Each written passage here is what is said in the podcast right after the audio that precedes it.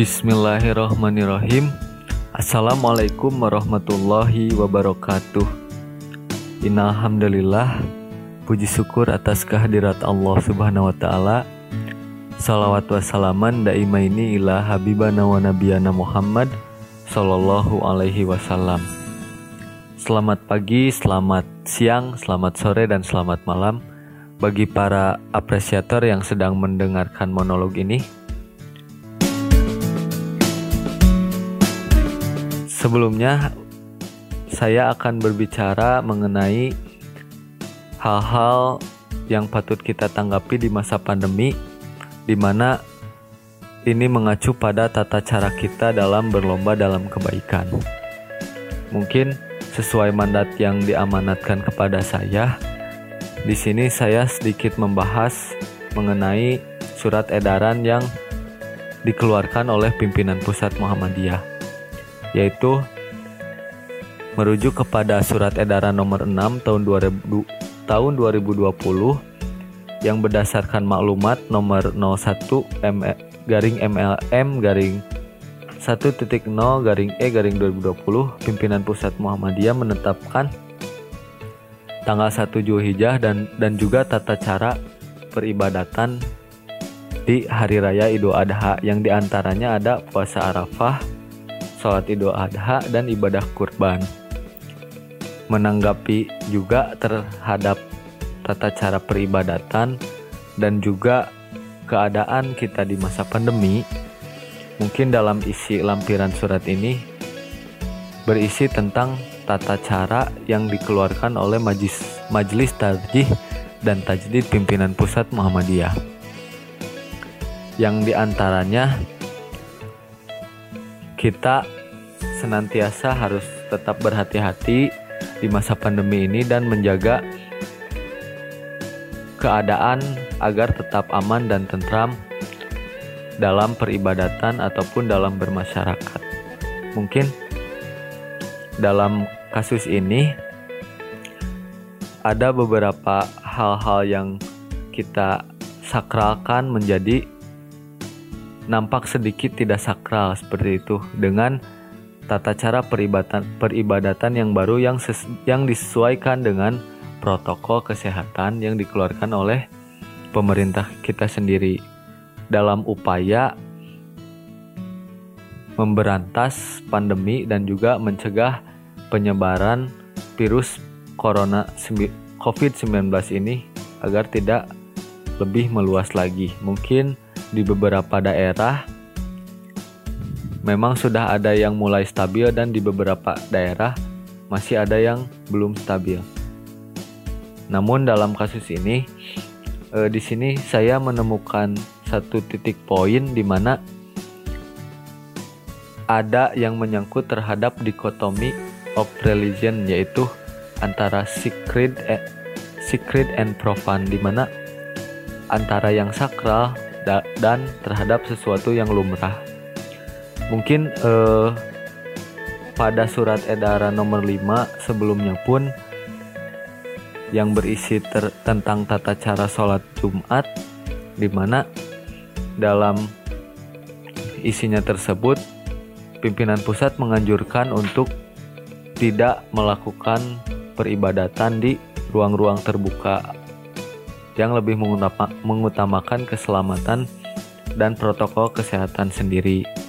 Mungkin di sini kita juga harus berperan di mana kita bisa memberikan edukasi terhadap masyarakat untuk tetap menjaga pertama kesehatan dan juga menjaga kewarasan agar kita senantiasa dapat beribadah dan melaksanakan kegiatan kita dan cara kita bersikap selaku manusia beragama tetap dengan jalan yang baik dan benar seperti itu. Mungkin yang menjadi bias di sini adalah di mana tata nilai sudah mulai berubah, habit sudah mulai berubah, kultur sedikit-sedikit mulai berubah juga. Jadi kita di sini harus senantiasa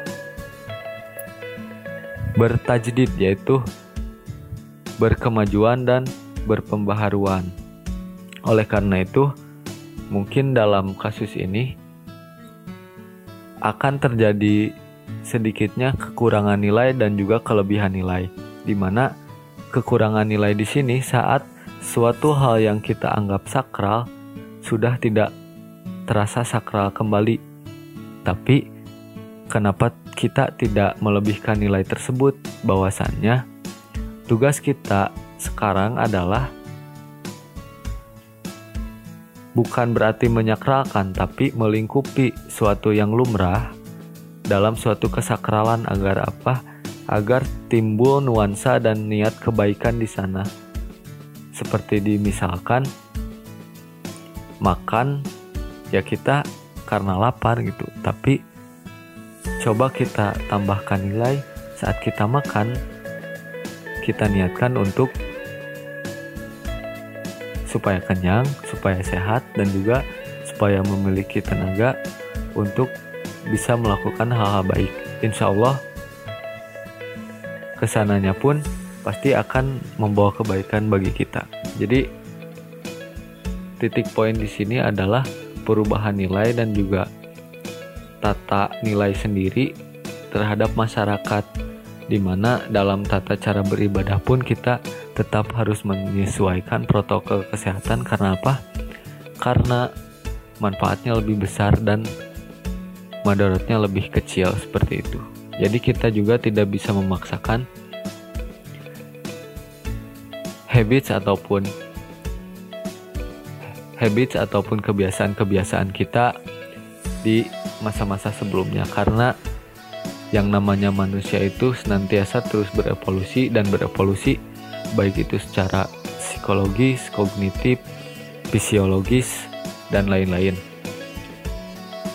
Adapun masalah keilmuan, masalah cara kita bermuamalah, masalah kita bermasyarakat dan bersosial itu pun harus senantiasa berevolusi mengikuti perkembangan zaman dengan tetap berlandaskan terhadap Al-Quran dan As-Sunnah mungkin sedikit menanggapi uh, dari pengeluaran tata cara peribadatan ataupun protokol kesehatan atau penyesuaian-penyesuaian terhadap masa atau pandemi ini. Jadi uh, intinya kita harus tetap berbuat baik, kita harus tetap melakukan gerakan-gerakan yang memang radikal agar apa? Agar tatanan masyarakat dan juga tatanan sosial, ekonomi, politik dan lain-lain tetap menjadi tetap berada pada kondisi yang memang sejahtera, itu mensejahterakan.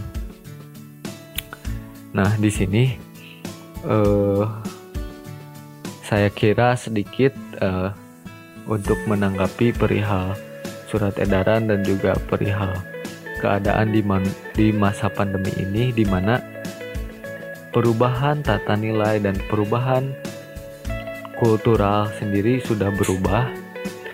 Dengan saya melihat satu titik poin di dikotomi of religion yaitu secret and the propan bahwa sekarang hal-hal yang sakral itu sudah mulai tidak terasa sakral dan hal-hal yang lumrah itu sudah semakin lumrah itu. Oleh karena itu, baiknya kita menambahkan nilai terhadap kebaikan. Mungkin hal-hal lumrah itu kita tambahkan niat baik, kita tambahkan sedikit nilai kesakralan agar hal-hal lumrah, hal-hal yang sedikitnya lumrah pun bisa menjadikan nuansa kebaikan bagi kita dalam beraktivitas berkehidupan, berkepen, berpendidikan dalam suasana apa pun, baik itu kita yang sedang berjuang ataupun kita yang sedang eh, sama-sama mencari ridho Allah Subhanahu wa taala. Saya rasa cukup akhirul kalam bilahi fisabil haq pastabiqul khairat. Wassalamualaikum warahmatullahi wabarakatuh.